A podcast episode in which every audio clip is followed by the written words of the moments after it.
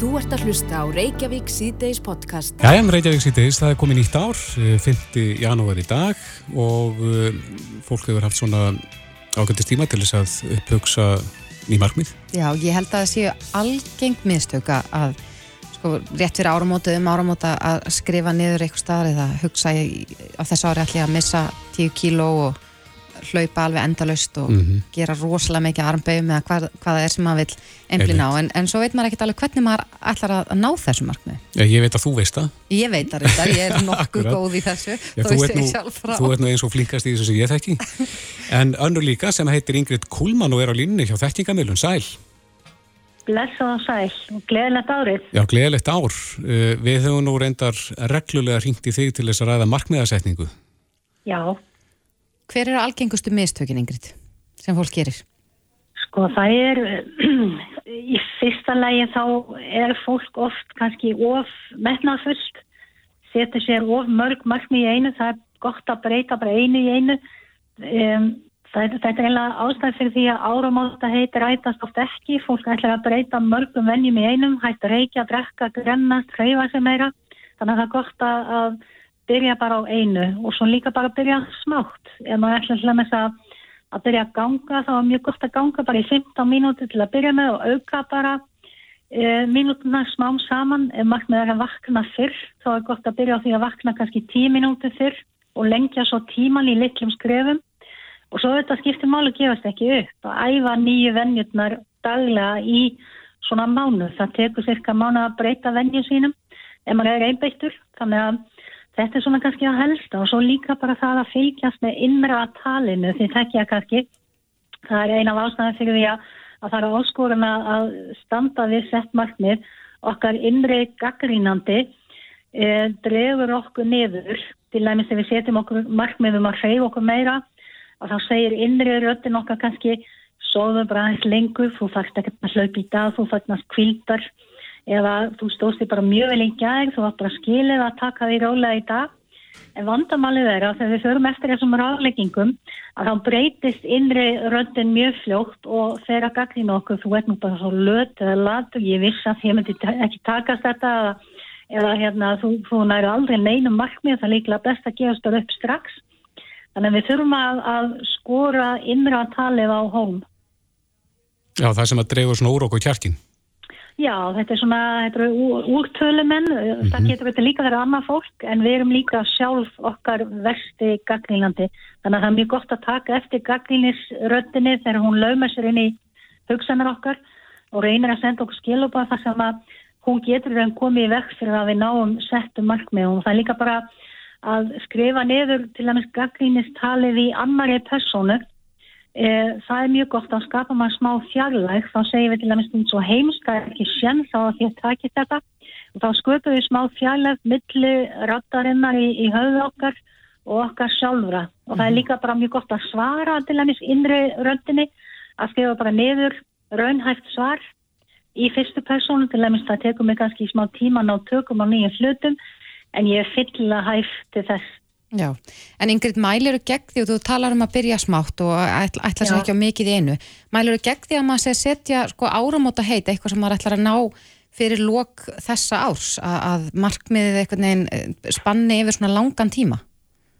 Það er mjög gott að vera með langtíma markmið svo lengi sem við brjóðum það niður í smæri einingar. Ef að fólk ætlar að hlaupa þúsund kilómetra þá er mjög gott að segja ok, ég ætla að hlaupa kannski 150 hverju mánuði, hvað því þá hverjum degi og svo framveist því að þegar markmiðið er mjög stórt þá verður oft svona yfirþyrmandi, svona hátt fjall sem er erfitt að klífa mm -hmm. að það er mjög gott að vera með langtíma markmið og síðan bara að áfanga skipta markmiðinu.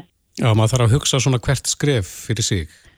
Já, búið bara til vörður því að það er líka mjög gott að geta umbunað eftir, sko, eftir að hafa náð markmiðinu kannski þessari viku eða í, í einu má, á einu mánuði að uh, velja sér umbun, gullrótt og halda svo áfram. Það virkar þetta mjög hvetjandi. Markmið eru mjög góða því að þau, um, við náum að bæta forgangsröðunina. Ef að markmiðið er okkur til dæmis mjög mikilvægt þá, og, og valið stendumillin þess að horfa á upphaldstáttinni í sjóöpunni eða fara út að slaupa.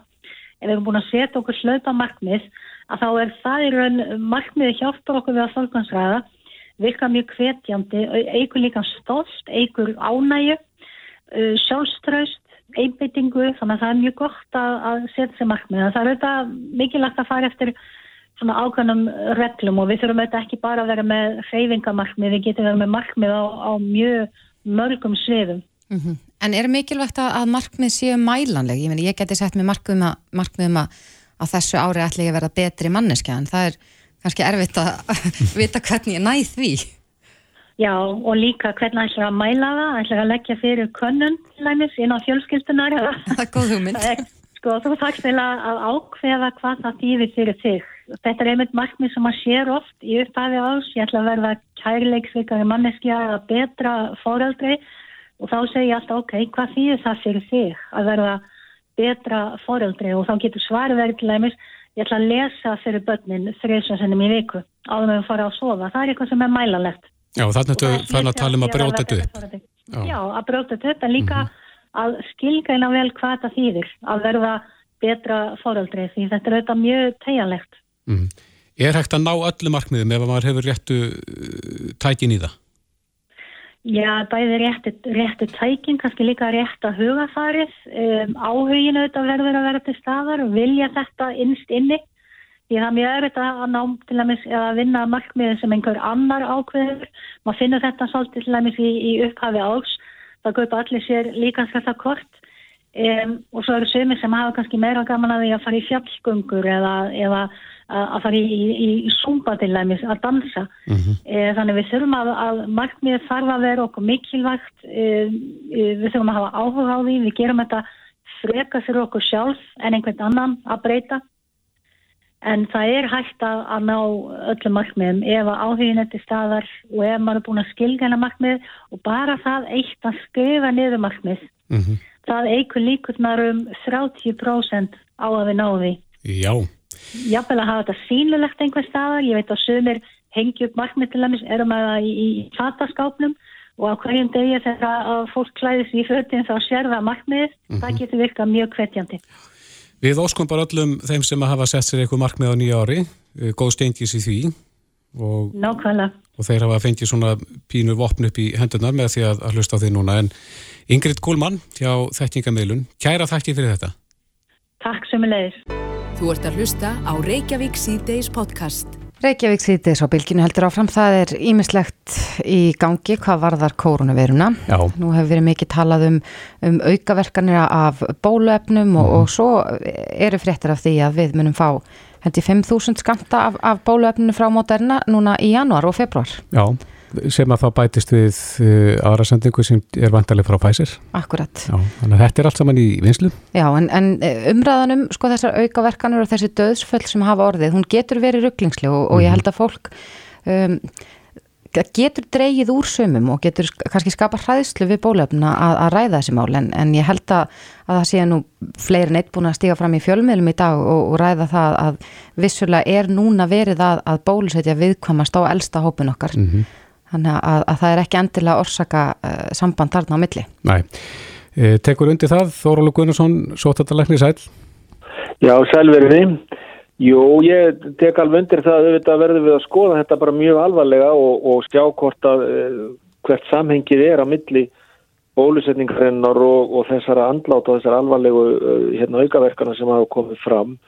En það er alveg hárreitt eins og þið bendið á að, að sjókurnaheimilum og öldrunaheimilum eru náttúrulega veikustu, langveikustu íbúa þessar lands og fólk með mar margs konar undirlikjandi sjúkdóma og mjög viðkvæmt fyrir og það getur náttúrulega ímislegt gerst á þess að það sé bólusett og ef maður skoðar bara uh, dánartölun á, á hjúgrunaheimilum bara þá eru er það í hverju viku eru kannski 10-20 einstaklingar sem látast á hjúgrunaheimilum í hverju viku mm -hmm. þannig að það er að hafa það í huga en, en En hjá hinbóin þurfum við náttúrulega að skoða þetta vel og við höfum gert það hér eh, í samvinnu landlæknir, eh, ég og, og hérna leiðjastofnin við höfum fengið utan að koma til aðela til að skoða, fara hans ofan í þetta með þess að einstaklinga veikindinn og svo framins og, og, og hvort að bólusetningin gæti hafa átt eitthvað þátt í þessu. Þannig við erum að reyna að gera eins vel eins og mögulegt er í því að upplýsa þetta mál. Ég hef líka sendt fyrirspurnin Erlendis til að minna kollega til að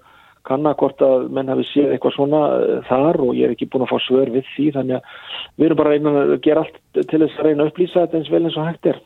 Já, en aðeins að, að því að nú er fara að glitta í þetta afhendingaplan hjá Moderna uh, hvernig lítur myndin út núna svona þegar þetta er allt saman tekið saman? Uh, já, það er þannig að Moderna bólefni við munum fáum 5.000 skamta núna í janúar og út februar sínist mér, það er á, á því bylinu. Er það meirið að minna en búist var við? það var bara ekkert búist við einu en einu vegna þess að við vorum ekki komið með neina, neitt afhendingarplan frá þeim mm -hmm. þetta er fyrsta afhendingarplanið sem við fáum núna og, og að vísu eh, er ekki búið að, að, að hérna, gefa því markasleif í Evrópu að, að því því best veit ég held að það verði ekki fyrir morgun sannlega, vonandi en þetta er það svona áallaninn sem hún liggur fyrir núna en svo getur það náttúrulega breyst líka bara þessar, þessar áallanir afhendingar áallanir hafa breyst oft mjög hratt og, og, og fyrirtækin eru verið að gera sitt besta framlegins mikið eins og hægt er og, og vonandi breytist það í þá óttin að við fáum bara meira. Já, hver er munurinn á móderna bólöfninu og frá Pfizer? Það þarf ekki að vantilega tvær hérna tviðsasinnum eða það ekki eins og hjá Pfizer? Jó, það eru tvær spröytur í bæði bólöfnin og ég hef nú ekki alveg sér sérri livja skrána varðandi móderna bólöfni, það kemur vantilega ekki fyrir þennan að búa að gefa því markasleifi Þannig að ég held að það sé miða með mánað, mánuð á milliskamta þar, mm -hmm. meðan það eru þrý, svona þrjárvíkur hjá, hjá hérna Pfizer bólefni, þannig að þetta eru mjög svipu bólefni, þetta eru bæði svona RNA bólefni, þannig uppbyggingin er mjög á, lík. Já, þú sagðir á, á fundi í daga að tölur gerdagsins hafi verið svona nokkuð ánægulegar en það greindust fjórir og, og allir fjórir voru í sóttkví. En það eru hins vegar að greinast smitt á landamærunum. Er, er ástæði fyrir okkur að, að herða tökinn ennþá meira þar til þess að reyna spórna við því að þetta dreifist eitthvað meira hérna innanlands? Já, við höfum náttúrulega verið með aðeins í hörð tök á landamærunum og eh, sérstaklega eftir við tókum upp þess að tvöföldu skimun og við höfum ekki verið að fá uh, sko, smit inn í landið eftir að við tókum við þess að tvöföldu smitun nema við fengum hennan bláa stopp sem að var reyndar kom inn áður en að áður en við tókum þess að formlegu tvöföldu skíminu en eftir að það var þá hafa stopnar ekki verið að dreifa úr sér hér innanlands. Og okkur hefur tekist að stoppa það á landamærum. Það hefur greinst í svona nær umhverfið þessar einstaklinga þar sé að fjölskyldumæðlum en ekki meira orðið úr því Þannig að við teljum að þetta sé mjög áhrifarði greið til þess að, til þess að, til þess að stöðva þetta. Nú, uh, það er spurningi með þess að 14 dagar sóttkví sem að fólk getur valið um. Það er mjög fáir sem velja það. Það er alltaf einhverjir sem velja það en við erum, reynum eins og við getum að fá fólk til þess að fara í skímun og uh, það er eitt sem að hægt er að gera. Og svo hefur við líka eftirliti með fólki. Það eru vefla upplýsingagjöf til fólk sem að þarf að fara í sóttkví eða einangrun og svo eftirleitt sérstaklega ringi fólk og tekka á því og sjá hvernig hvort það sé ekki örgla að fara eftir öllum veðbynningu. Þannig við, við erum að gera þetta eins vel eins og hægt er og það hefur svo sem enginn gert þetta eins og við en það er margir að erlendis að vísa í okkar reynslu af landamannin hvað okkur hefur tekist vel að, að hindra það og komið vekk fyrir útbreyslu margra stopna hér innanlands. Já. Aðeins að þessu atviti í landakotskirkju þar sem að presturinn hefur eh, bent á að, að, að þetta sé nú svolítið einkennilegt að það skulle bara tíu meg að vera inn í svona stóru rými og ég veit að það er margir sem takk undir það. Er, er þetta eitthvað sem að þurfti að endurskoða? Við erum náttúrulega alltaf með allt í endurskoðun og, og ég veit að það er náttúrulega eins og við höfum marg oft rættum áður og þá er mörgum sem finnst margt af því sem við erum að gera einkennilegt og, og, og ósamræmi og misræmi en en við bara bendum á það að við höfum náð þessum árangri að við erum að halda hér faraldurinn niður í afgjörlega í lámarki meðan aðra þjóðir eru að, að loka bara be, hérna loka fólk inn í þennlega og, og þannig að árangurinn hefur ekki látið á þessi standa og, en, en eftir sem áður að þó að fólki finnist hlutinni vera ósangjarnir ekki réttlátir þá held ég að fólk verða að fara eftir því og saman kildur um kirkjuna og aðra. Það getur flesti tekið undir það en við höfum líka verið að ná þessum góða árangri með því að slaka á, ekki bara með því að herða. Það var náttúrulega að gefa leifi á hárgræslu stofur og, og snirtistofur og annað slíkt. Á sama Já, við... tíma fór, fór, fóru töluna niður. Nei, ekki á sama tíma. Við slökuðum á vegna sem vorum að ná töluna niður. Já, þær fór ekki við... upp aftur, að það fór ekkert upp aftur, nei, við höfum verið náð farandurinn niður með því að herða, það er alltaf gerst og síðan höfum við slakað hægt, hægt og bítandi á fyrst á þeim stöðum sem við teljum áhættan að vera minnsta og, og fyrra okkur þannig niður og það er bara gengið mjög vel. Mm -hmm. og auðvitað er það þannig að það er ekki allt vitað 100% með alla staði nákvæmlega bæði hver áhættan er eða hvar hún fælst nákvæmlega í þessu herbygginu eða þessu tækinu. En en þessi nálgun á, á, á lokanir uh, og takmarkanir er bara nákvæmlega eins og okkur eins og öðrum þjóðum, við erum ekki þetta er ekkit öðruvísi í okkur. Nei, nú er, já held ég slett vika þar til að núgildandi reglugerð fellur úr gildi. Og eins og þú sagðir þá er, er staða faldur sem sé útlöndum mjög slæm. Er tilöfni til þess að slaka eitthvað á eftir viku eða, eða munum við sjá fram á, á áframhaldandi takmarkan eins og við þekkjaðu núna? Já, það er bara góð spurning sko en við hefum alltaf bent á það að ef við erum með góð tök á, á, á hérna, landamæraskimunni þá eigi að vera sko tækifæri til þess að slaka á hérna innanlands og, við erum náttúrulega búin að vera í nokkuð góðri stöðu núna. Við vorum hrættum að þetta geti farið sko böndum um, um jól og áramótin en uh, sko jólinn hafa gengið vel og aðvendan gengið vel. Við þurfum aðeins að sjá fram í vikuna þess að geta fullirt um, um hérna áramótin ef að þetta gengur allt saman vel þá held ég að sé alveg hægt að skoða það mjög með opnum huga að hérna slaka á hérna innanlands uh, og aðeins að fikra sig upp þar og það er kannski óvennilegt að við sem að hugsa til þess meðan að aðrir eru að herða. En ég held að það væri óvarlegt að fara að slaka eitthvað á landamærunum en það er menn þurfa að koma nýja regla að gera á landamærunum núna fyrsta februar En getur þú gefið okkur eitthvað einsýnin í það? Hvað, hvað væri svona næst á listanum að opna af, af því nei, sem er núna nei, lokað? Nei, ekkert frekar en áður. Við þurfum bara að skoða, við þurfum bara að fara yfir allar takkmarkaðan en hvað væri skynsannlegt að gera og, og hérna reynum að bara halda, halda okkur við það. Já, Þórólur Gunnarsson Sóttvarnalagnir, kæra þakki fyrir þetta. Já, sem best.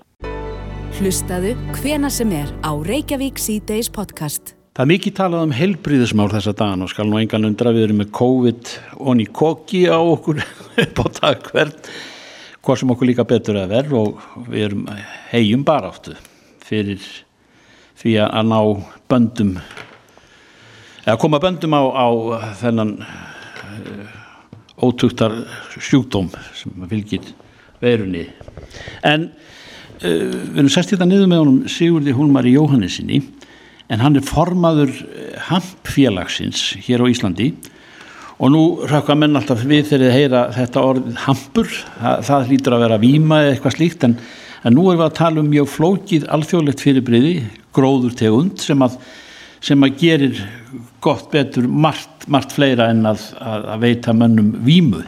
Það er að segja við erum með eitthvað sem heitir yðnaðarhampur og svo hins vegar CBD sem er þá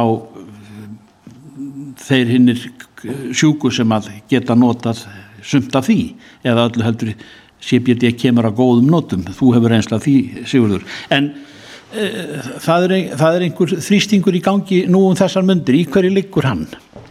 Já, þetta er eiginlega þannig að sko, til þess að einfalda málinn þá erum við að tala um yðnarhampin sem er cannabis sativa mm. sem er um, planta sem getur sagt, eh, nýst okkur rosalega á marganhátt, eh, ótrúlega marganhátt, við getum sagt, unnið alls konar Um, til dæmis bara plast úr þessu, við getum unnið uh, ja, parkett og, og hérna, reypi og född og það er bara 50.000 leiðir, all minnstakosti til þess að nýta þessa plantu þessi planta er ekki výmugjöfandi hún hefur sagt, minna en 0,2% af THC sem er výmuefnið sem að, uh, menn tengja oft hampin við.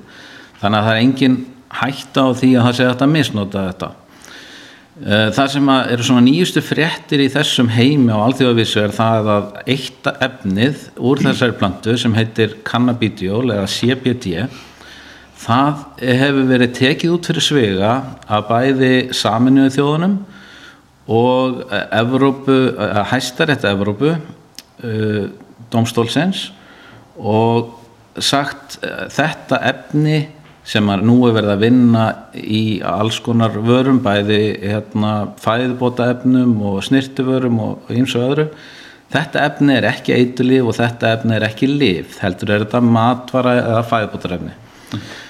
saminuði þjóðarna sem tóku þetta út fyrir svegan þetta eina en eina kannabinóða sem er einn af meira en 130 í plöntunni og, og sem sagt er búin að gefa það út ofnbarlega að þetta sé ekki lifiðarni og hérna á Íslandi hefur það verið staðið svolítið uh, fyrir já, það, það hefur staðið svolítið í livjastofnun uh, Íslands að uh, eh, CBD sé livjaefni og þar hefur það svolítið stranda og þess vegna höfum við almenningur ekki haft tækifara á að kaupa fæðubótarefni með þessu með CBD og en aftur á móti hefur eh, verið lagt fram, hafa lagt fram frumarp uh, 2019 og svo aftur 2020 eða sem sagt ekki frumarp heldur uh, sem sagt til að frumarpi mm.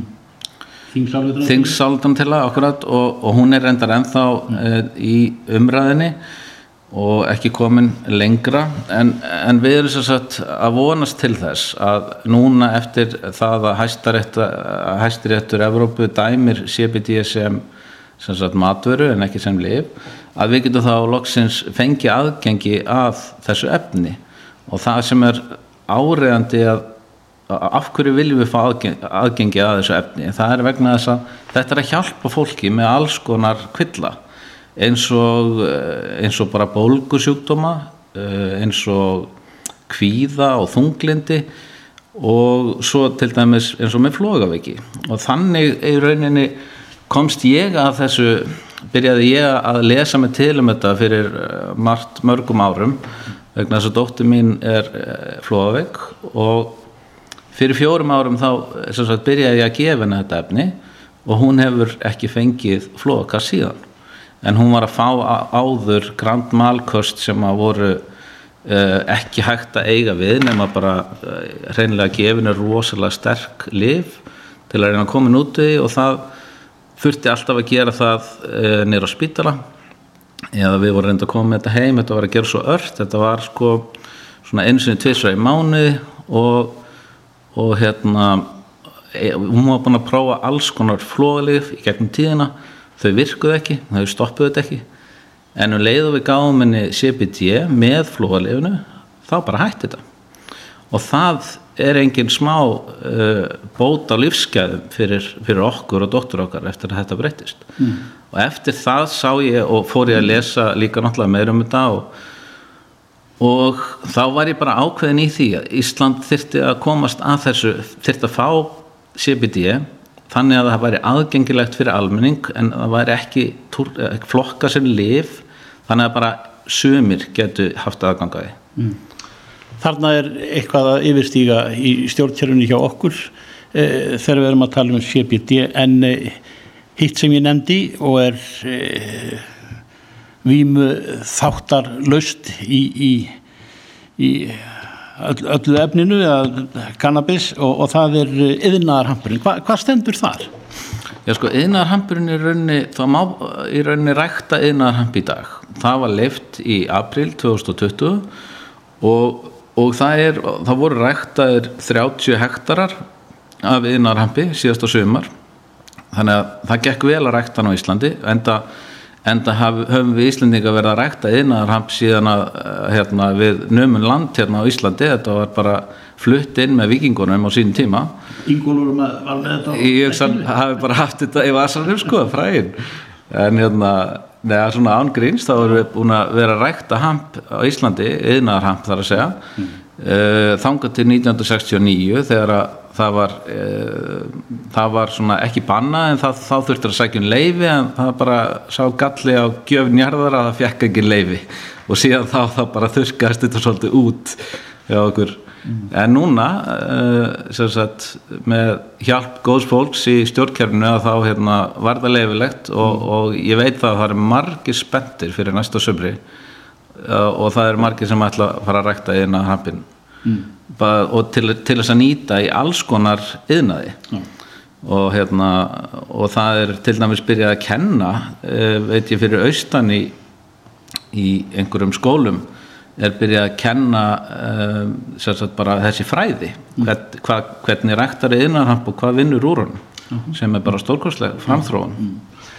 En þannig að, að svo fyrirstaða sem er í, er í kerfinu þegar við lítum til þess hluta kannabisplöntunar sem er án výmufaktorsins Eh, það er eh, læknishjálpin sem að fælst í ákveðinu hlutaplöntunar Já, það er akkurat málið sko. þú, þú mátt uh, í rauninni e, já, sko, það, það er bara þessi, þessi fyrirstaði hjá Lífjastofnun þannig að um, hampurinn í rauninni meðan hann er rár þá er ekki, þá er þessi efni ekki uh, virk, virk í hampinum.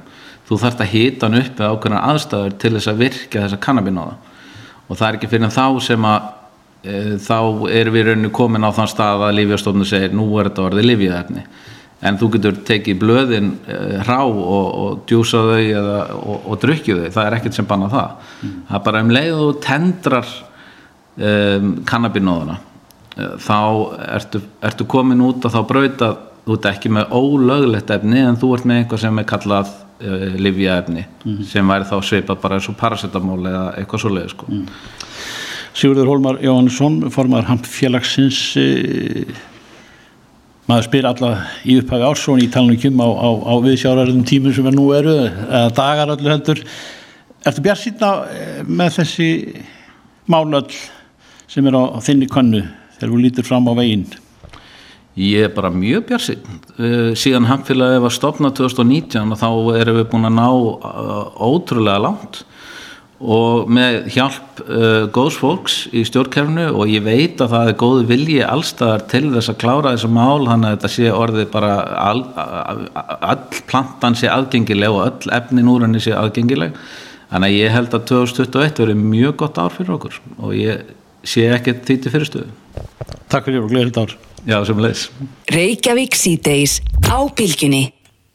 Reykjavík síðdeis heldur áfram. Það kom fram í fréttum í dag að ríkistjórnin hefur ákveða greiða tvo þriðju af kostnaði við hensunastarfa á seðisfyrði vegna Já. hamfarana í síðasta mánuði. Mm -hmm.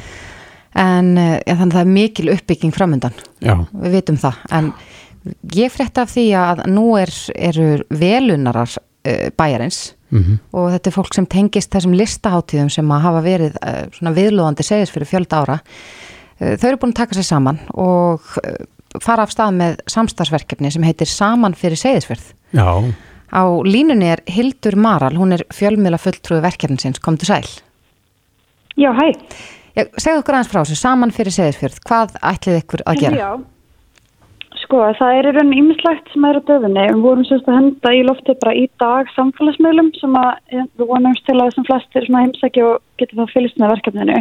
Og það er einfallega saman fyrir segisfjörð á Facebook og Instagram. Það er sem að sérst, aðaladrið sem við erum að gera eru styrtatónleikar sem verða í streymi mm -hmm. um, og þar verður, við erum nú þegar búin að staðfesta ansi spennandi listmenn til leikstar en erum ekki tilbúin að tilkynna alveg strax en það verður næstu dögum og hérna svo í kjálfarða því verðum við líka með svona vittalsbúta og, og fleira frá fólki sem er búsett á segðisferði. Þetta er náttúrulega mjög svona sérstakt samfélag af miklu listafólki og bara, þú veist, hugsuðum þengjandi fólki sem býr þarna og er á staðinum og er að landi þessu náttúrulega mikla umróti á sínu lífi þessa dagina þannig að okkur langaði svona að veita speil inn í svona hvernig er að vera og búa á segðisferði þessa mm. dagina og það er uppbyggingin sem er að fá stað. Ert þú frá segðisferði? Ég er ekki frá segðisferði og ekkert okkar sem að stendur á baka þetta samstæðsverkefni er þaðan og það var líka það sem við vildum gera var í rauninu sko að fólki sem er þar núna hefur kannski fyllt að fang með að vinna í bara sínum málum og að endurbyggja húsin sín. Þannig að okkur langaði svona að leta þeim bara já, leggjaðum lið það sem við gátum. Og við erum sérst fólk sem að höfum eittalsum tíma í bænum, um, það eru sumir sem eru í þessum hóp sem hafa búið þarna lengi vel, eiga kannski hús þarna með fleirum. Og svo fólk sem eru unnið bæði með lungaháttíðanum á listi ljósi mm -hmm. þannig að við tengjast bænum bara sem já, velunarar og eru svo vendum plássið. Akkurat. Rauðikrossin er, er að halda utanum þessa fjáröflun og útdeila, mm -hmm. útdeila fjármunum sem sapnast en, en það verða sem sagt ágóðin af þessum tónleikum mun renna til bæjarins. Já, alveg 100% og við bara ákveðum í rauninni að, fá rauðakrið sem ekkur lið og erum búin að verna náðu með segðisfjörðu líka bara til að tryggja það að þessi fjáröflun fari í réttar hendur og þannig að þetta er sérst, já, að vegum Rauðakrossins e, eh, fjáröfluninu sjálf og það eru misvísa leiði til að sérst, hérna, styrkja þegar þetta milli fara frá bæði íslenskum og erlendu bankareikningum og, og senda SMS líka þannig að mm allar þessar upplýsingar eru á, á síðan okkar líka. Já, það er hægt að senda SMS skilabóðin hjálp í númeri 1900 og gefa þannig 2900 krónur í þetta verkefni. Mm -hmm. Hildur Maral, fjölmjöla fulltrúi verkefnsins saman fyrir Seyðisfjörð. Kæra þakki fyrir þetta og gangi ykkur vel. Takk það fyrir. Þetta er Reykjavík C-Days podcast. Jæja, Reykjavík C-Days, það er komið nýtt ár, 2021 og það þýðir, þetta er kostninga ár. Já, það verður gengið til kostninga núna síðar árunu. Já kosi á þing og ég rakst nú á það bara hérna rétt á hana að e, samkvæmt nýjustu tölum frá Gallup mm -hmm. eru litlar sem engar breytingar á, á fylgiflokka á milli mælinga hjá Gallup en e, já, það eru tæmlega 24% sem segjast myndu kjósa sjálfstæðisflokkin ef, ef að kostningar til alþingis fær fram í dag mm -hmm. og 17% samfylginguna 12% pírata e, og sveipa hlutfall vinstir græn og svo, og svo fer það minkandi Já Og svo held ég að við séum eftir það í dag að 8% fjallu döð niður, atkvæði 8% að kjörgengra. Mm -hmm. En á línunni er Baldur Þóraldsson, stjórnmálafræði profesor við Háskóla Íslands, kom til sæl. Komið sæl. E, þetta er búið að vera skrítið ár, þar að síðasta ár hefur vantilega bæði verið skrítið að vera í stjórn og stjórnar anstöðu. Já, Þetta hefur aldrei reynt á báða aðila en stjórnin vilðist nú komast ágætlega frá þessu mm -hmm. minnst það kosti að vera markam á sko, stuðningu í ríkistjórnina en í þessari sömu könnun sem voru að vísa til sko ef ég mann rétt þá er það að vera rétt tæplega 60% landsmanna sem líkar vel við störf ríkistjórnarinnar. Mm -hmm, 58%? Já, sem er nú ágætt svona undir lok kjörtímabils er líka þegar búið að glíma við mörg erfi mál. En það sem vakti aðtökli mín að hins að þessu könnun er það að sko þetta, þessi góði stuðningu sko við ríkistjórnina hann endur speklar ekki sko gengi flokkan sem aðeins standa ef við tökum saman fylgi þeirra þryggja þá er það mun minna heldur en þessi ríkistjórn tröstins sem ríkistjórnins nýtur. Og hvað lestu í það? Já, þeim er ekki flokkonum, er ekki einhvern veginn að ná að takast að e, ná til sín fylgi. Já, líklega að maður lesa í það að e, einhverjum finnst að ríkistjórnum standi sér eftir vil vel í COVID, mm -hmm. að mhm. glýma við COVID og kannski efnaðslegar afleðingar þess, en eru ekki tilbúinir eins og að merkja x við flokkana sem aðeins standa. En kannski á ríkistjóðin eitthvað hafa inni, það er kannski eitthvað, hún getur sótt í þessa aðila sem líkar vel við störfverða en í ögnablikinu ekki tilbúin að kjósa flokkana. Þannig að ég, ég les í þessu tækifæri fyrir ríkistjóðnaflokkana. Mm -hmm. En eh, Baldur, þetta eru ólíki flokkar, eh, sjáum við núna svona í aðdraðanda kostninga fyrir að sjá þessa flokka stílja sér í sundur. Eh, Kanski meiri átök svona milli flokkana sem að standa stjórninni? Já, þeir, þeir eru nú farnir og, og muni í vakstöðum æli farnir að reka hornin í, í hver annan. Kanski er e, frumvartu um hálendis þjóðgarðin, kannski sterkast að vísbendingunum það það er aldrei náttúrulega sérstakt að e, ráð þeirra í ríkistjórnir leggur fram frumvarp sem stjórna þingmenn og jáfnveil ráð þeirra já, já, og leiðtúar samstagsflokkana gaggrína er nokkuð har, har, har, harlega í fjölmjölum. Mm -hmm. Það er nú ekki algeng kannski, hefur ekki verið algeng, þannig að þannig eru þeir svona að sína hvar þeir standa varðandi hálendismálefnin og hverri, hverri eiga stjórna hál, hálendinu og ég held eins og segir sko að í vaksandi mæli munum við sjá þetta en að sama tíma sko held ég verðum að hafa í huga að í rauninni hefur samstæð þessara flokka gengið alveg ótrúlega vel að minnstu kostu ofnberlega. Hefur það gengið betur en þú hefur eh, kannski giskað á fyrir að fá um árum síðan? Sko það kemur kannski ekkert óvart að samstarf fórstumanna flokkana gengur vel. en það kemur ákveðinleitt óvart sko það hafi ekki verið meiri óróleiki til dæmis innan Vafgi með stjórnarsamstarfið. Já, þeir hafa nú mist tvo þingmenn. Já, þeir hafa mist tvo þingmenn, já, en en, en e, þeir mistu, hvað mistu ekki fjóri ef ekki fleiri í vinstistjórninni 2009-2013 Villi kettirnir. Minni, minni óróleiki græsrót Vafgi heldur maður áttir gerði, gerði kannski átti vona á. Og þó að sko, sjálfstæðismenn í upphafi voru með okkur óráleika en þingflokkurinn hefur ekkit verið það erfiður nýmst ekki ofinberlega þó er náttúrulega sjálfsögur mönnum að greinir á um eitthvað og það komið fram í fjölmunum það er náttúrulega bara eðlilegt mm -hmm. Hvað sér þau fyrir núna á næstu mánu? Hvernig mun þetta þróast? Uh, já, stjórnaranstan uh, hún þarf nú að sækja meiri krafti af stjórninni. Stjórnan anstan uh, sko þessi flokkar sem aðeins standa þó þau standi svona, þeir standa nú bara svona þokkalega vígi í könnunum. Ekkit mikið meira en það miða við það þeir eru í stjórnan anstöð og gríðarlega efnaðislega erfiðleikar í samfélagin Er COVID að þvægla starf fyrir? Já, líklega er það að gera það ef, ef marka má sko þennan stuðning við, ríkist, við ríkistjórnina en á sama tíma þá þurfa fórustu með ríkistjórnan eitthvað að gera meira heldur en gera í dag til að ná til kjósend og fá þá til þess að kjós, kjósa sig og sína, sína, sína menn.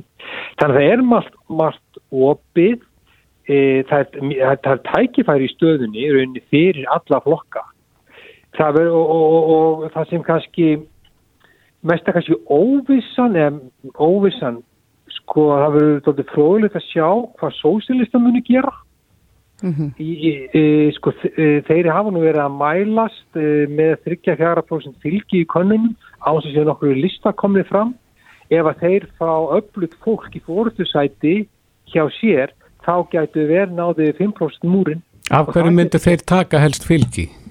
Vafki mm -hmm. hefði ég haldið Og pýrutum kannski? Já, kannski pýrutum. En nú hafa... Þetta getur gett rafki erfið fyrir. Já, en nú hafa pýratar, sko, til dæmis í könnun frá Center sem var hérna, stöttu fyrir jóla, þá voru þeir að mælast með sko 17% fylgi. Reyndar í þessari könnun frá Gallup bara 12%. En, en þeir virðast alltaf að vera að bæta vissi fylgi í einhverjum könnunum. Heldur að þeir muni að rýsa upp núna þessu ári? Sko... Við höfum séð pírata áður uh, fara með heiminskautum í, í konunum en, en svo það, það hefur ekki skilað sér í kjörkassan. Þannig að uh, það er svona fallvall fylgið er í konunum sko. Það, uh, ég myndum ekki segja að það sé, það sé komið í kjörkassan það ég fá í skoðan konunum sko. Nei. Uh, það er kannski meira á bakvið fylgistölur hinnaflokkana, hinna hefðbunduflokkana sem ganga kannski að með fleri, starri klósunda hluta sem, vís, sem, sem vísum. Mm -hmm. og það er líka óvisa með þeim flokk fólksins næra 5% uh, með ekki. En, en formaða flokksins hún ynga er alveg gríðarlega öflug þegar kemur á kostningabaróttu og getur hreinlega uh, kæmið ekkert óvort og næða að rífa flokkin uh, upp í 5% múrin en sko sóstilist getur líka sótt í fylgi flokks fólksins þannig að það, þeir, þeir getur flagst fyrir þeim líka sko. Já, en hvað segir með miðflokkin sem hefur nú svona verið svolítið sér á báti þegar það kemur að stjórnarastöðinni? Já, hann virðist vera að reyna að marka sér ákveðna sérstuð í íslensku stjórnmálum bæði með mikla áherslu á svona uh, fullveldismálin og sjálfstæði Íslands e, berjast uh, á Ísland og Erlendis getur réttindum transfólks og tala fyrir þjóðlögum gildum og þjóðkirkjunni. Aðri flokkar eru ekki að fara þetta þennan veg. Þetta er mjög aðtiklisverð leið sem miðflokkurinn er að fara og klárlega höfða til ákveðins kjósenda hóps. E, þeir eru líka öflugur í kostningabaratu og e, gætu jafnvel bætt við sig fylgi frá það sem nú er í, í skoðanakonunum. Mm -hmm. Kæsti aðeins í lokin eh, formen stjórnarflokkana, hvernig metur þú stöðu þeirra? Sko, hún er nú bara nokkuð sterk að ég held. eh, að vísu er fylgi framsunaflokksins frekar lítið í konunum en á, á svipuðum tíma fyrir kostningar hér áður þá hefur framsunaflokkurinn bara svo oftur að mælast með lítið fylgi miðju, á miðju kjörtíðanbili undir lók kjörtíðanbili. Öfugt við píratana. Hvað segir þú?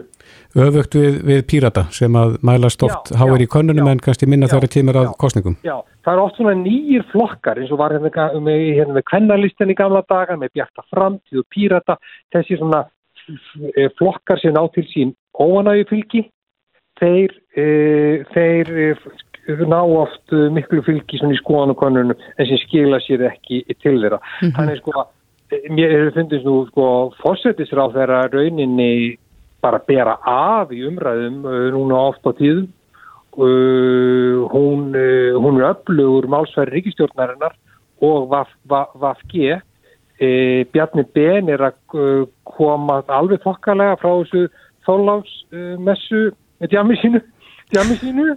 Eh, þannig að hérna og virðist njóta tröst uh, flokksmanna og ég, ég hef nú metið það svo að Bjarni væri sterkari stöðin að sjálfstæðarflokksins hefur, hefur oft verið áður. Mm -hmm.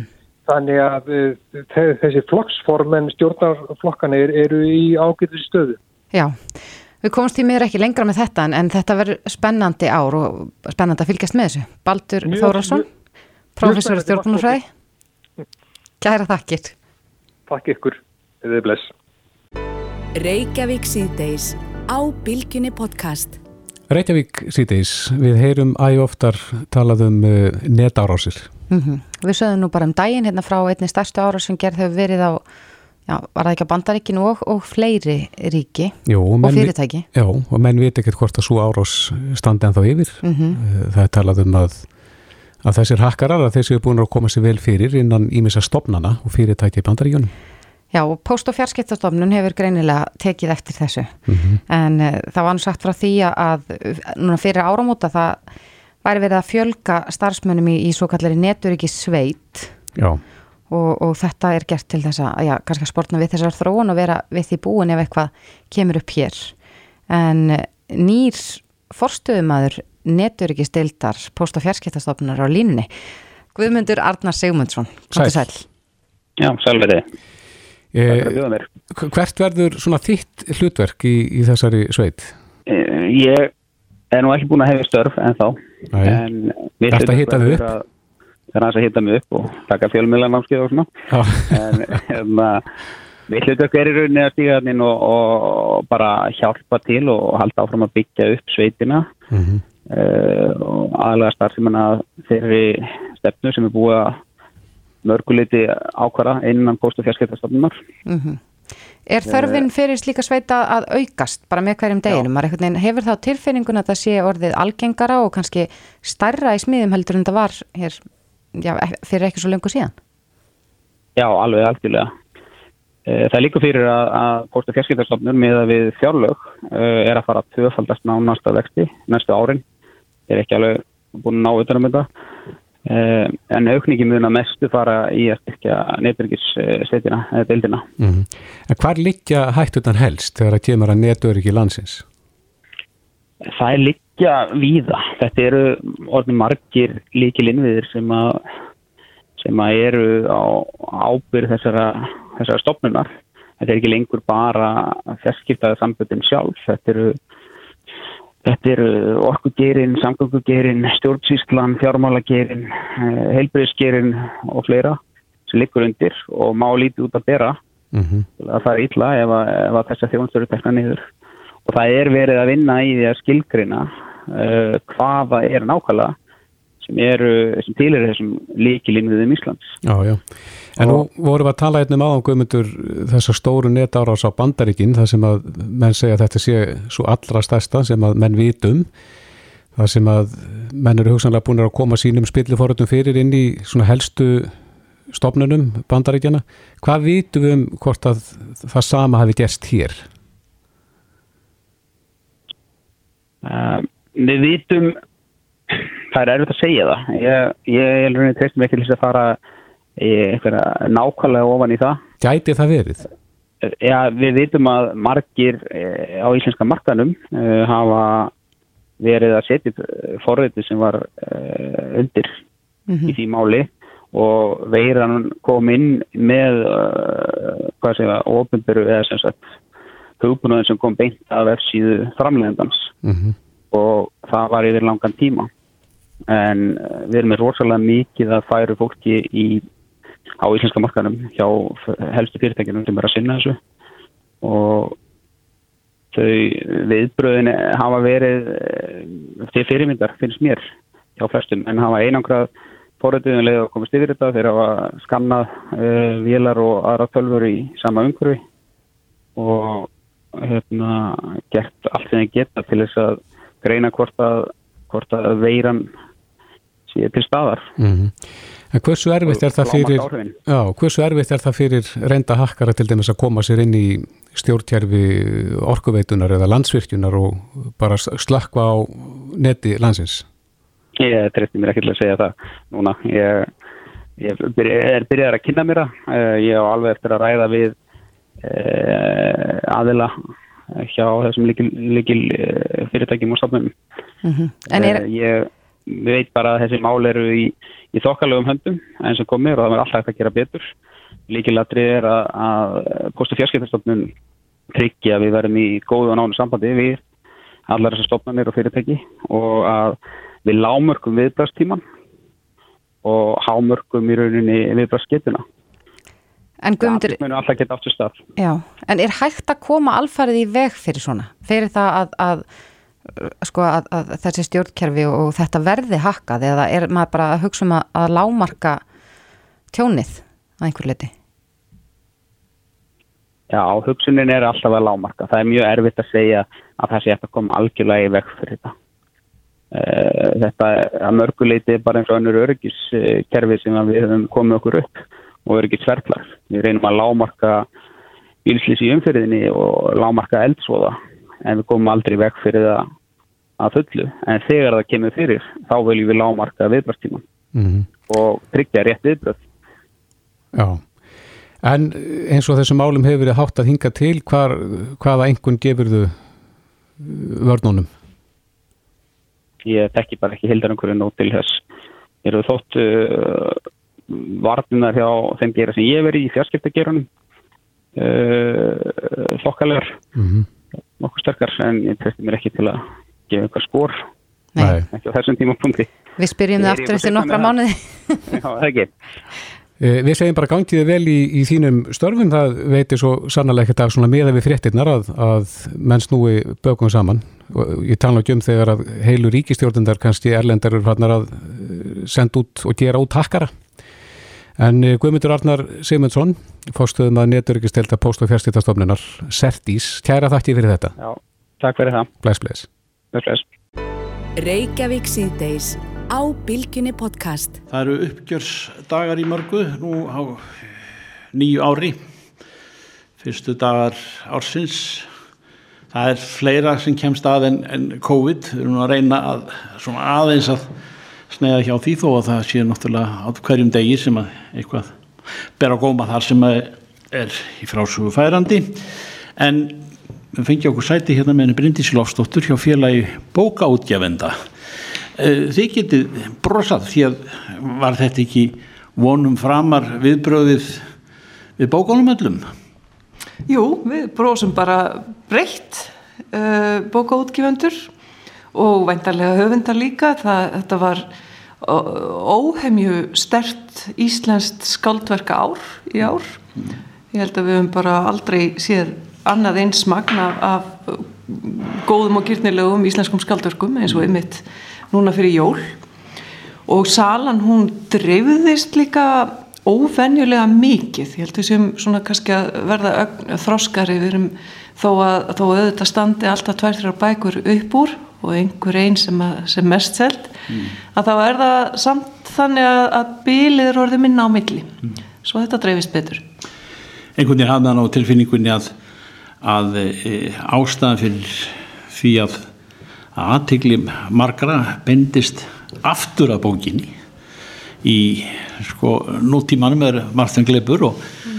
Og kannski út á COVID-19 þá við, erum við eilíti kyrsettari svona, maður mað fær farir ferðir og, og maður er svona lítið að vasast í nema því sem að nöðsynlegt er og, og allt það en, en þá er líka gott að hafa bók við hendina. Já, það er bara eins og þrengingar, almennar þrengingar hvort sem það eru vírusar eða, eða, eða kapitalískar það er eh, hérna að vinna með bókinni þar er að segja að þegar við höfum það verð þá snúum við okkur meira að bókinni og, og, og kannski svona tíma með sjálfum okkur mm. og við erum að sjá núna sem að við svona já alltaf út frá þeim tölum sem ég hef þá lítur út fyrir að það hafi verið um 15% aukning í sölu íslenskra bóka á, á þessum mikilvægum mánuðum eh, tvei mánuðum síðustu fyrir jól november og desember. Mm. og það er nú hardla gott. Mm. Við sjáum líka að e, það, það er orðinir fleiri um, um topphituna sem ég segir, sko fyrsta, annað, þriða, fjóða, fymta e, það er svona öðruvísi raðast upp.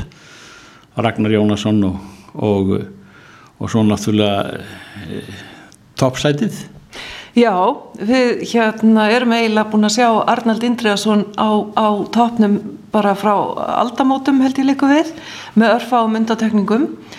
Og það er undatekning á því í ár þó nefnt sér á mununum og það er Ólafur Jóhann Ólafsson sem að ámestseldu bók ársins með þessum títli sem að snertir okkur öll sem að þráum snertingu og faðumlög það er bókin Snerting og það var náttúrulega flestir síða þessa bók en kápumyndin er kápumyndin eru tvær kápur að faðmast. Og þetta er einhvern veginn hún fangar held ég það sem við þráum öll þessi bók. Og, og, og en snertir líka mjög fallega á einmannaleikanum og á já í raun tengingu okkar við fólkið í kringum okkur bæði vini og, og ættmenni. Mm. útrúlega falleg bók og vel gerð hjá hannum mm. en Arnaldur er svo í öðru sæti með Þagnarmúr Þagnarmúrin sinn. Mm. og Yrsa Sigurðardóttir með Bráðina og, og, og Ragnar Jónusson með Vetramein þannig að glæpasögurna koma nú hérna alveg í öðru þriðja og fjörðasæti og svo sem ekkert, ekkert nýtt þar að frétta. Nú svo eh, þarf maður ekki að grúska lengi í bókatíðindum til þess að sjá eða í, í, í skábónum í búðunum, hillunum að, að það eru margt freistandi þar að lesa nýliðar inn á markaðinn. Já, það er reyndar þannig að, að hérna, það var engin nýliði sem komst inn á top 30 íslenska skaldverkalistan en það eru nýliðar til dæmis í badnabókalistanum, á badnabókalistanum og, og hérna þeir eru svona auðvitað alltaf eh, ábyrjandi í ljóðunum og þeir eru, já, en, en, en kannski nefna Solborgu, Solborgu Guðbrandsdóttur með bókina Fávita, það er kannski svona, svona nýliði ársins, við verðum að nefna og, og, og nú kannski hvað margir og, og veit ekki hver Solborg Guðbrandsdóttir er en ég vissum að það sé það er örglega ekki til svo 15 ára stelpa sem ekki veit hvað eða þekkir til þessara bókar. Mm. Fávitar uh, fjallar um, um hérna, já hún tekur fyrir bara ímsa spurningar eða alla spurningar sem mögulega uppkunna koma á samskiptum kynjana og, og kynlífi og, og, og því sem það, það snertir. Ótrúlega flott og huguð bók og eru skemmtilegt að fylgjast með henni í framtíðinni hvað hún gerir næst en þetta er mm. nýlið ásins hjá okkur annan nýlið er nú bara eh, fórsetadóttir meiri síðan hérna hún er í, í barnabókalistanum dóttir hans Guðna T.H. með vampýrubókina sína mm.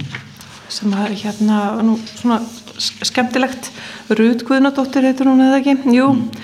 með vampýrur vesen og annað tilfallandi mm þannig að það er, það er svona hérna, það koma nýlegar inn á milli og auðvitað það sem við höfum verið að hvetja lesendur og kaupendur bóka til að kynna sér þessi nýju nöfn og það held ég hefði sannlega tekist mm. fyrir jól Barnabækur þær hafa, þeim hefur vegna nokkuð vel svona ég, ég man eftir því að það var talað um að það væri bara hverfa að vika fyrir sjónvarpi og, og, og öllum græjánum en eh, tilfinning að barnabækur hafi átt auðveldar eða frekar uppdráttar í setni tíð, er það rétt? Já, það er allavega ágætt úrval og, og svona, það er mikið verið að skrifa fyrir börn upp að, hvað ég segja, 14 ára aldrei, 12-14 ára aldrei. En við erum, það er svolítið veikleiki að mínu mati í íslenskri bókaútgafu, mm. Er bara skortur hreint og beint á skaldverkum og fræðibókum og allskynsbókum fyrir börn á aldrinum eða börn og ungmenni á aldrinum 12-20 ára. Og vanda meira úrval þar okkur vandar hérna og þau, og þau eru þess vegna að tegja sig yfir í ennskuna sem eru þetta frábært vegna ennskukunáttu en, en kannski ekki til þess að, að bæta og, og dýfka uh, íslenskuna. Mm, uh, og, og þið hjá félagi bókaútgefanda þið um leið og þeirra uppgjörið er, er afstæðið skýrslan sjálf og þá, þá skrifið þið undir og eh, þið getið brosað út í minnskosti annað þegar að þið horfið yfir allan bókamarkaðinn á Íslandi hefur þetta áhrif fyrir næsta ár? Já, já, þetta hefur auðvitað bara margvíslega áhrif það eru auðvitað, við, við vitum ekki alveg hvernig fyrir með eh, ef við, ef við tek allar þess að miklu útgáð okkar sem við erum vöna að halda svo með á erlenda bókasýningar til þess að selja. Að það verður kannski eitthvað erfæra, ég veit ekki hvernig verður hátt að það fjallu allar bókamessu nýður á, á líðandi ári eða nýliðinu ári. Og, og það er kannski svolítið sárt og, og sárt fyrir höfunda sem voru ég vel að koma út víða á síðasta ári og tilstóða þeir færu um viðan völl út um allan heim að kynna bækur sínar en voru bara heima en við verðum bara vonað það besta og, og hérna og eins og segi það eru það er svona mikil gróska og ger, gerjun í gangi. Ég get nefnt til dæmis að messelda íslenska batna og ungmennabókin er eftir Bjarnar Fridsson sem er nú bara senda, uh, var þessi jólun að senda frá sér sína þriðju bók um orra óstöðuandi og náði bara þriðasæti, nei fyrsta sæti sem er glæsilegt og ekki nómið það heldur var með aðra bók sem heitir Öflugi strákar, trúð á sjálfmaðig og, og hún náði nýjundasæti batnabókalistans. Þannig að það er alveg hérna, það er ennþá að koma inn nýlegar og það er pláss fyrir nýja en við eigum mikið af sterkum höfundum mm -hmm. og, og hérna ég trúi því að þeir haldi áfram að skrifa miklu móð. Bryndis Lofsdóttir, gleðilegt ár. Gleðilegt ár, takk. Þetta er Reykjavík C-Days podcast.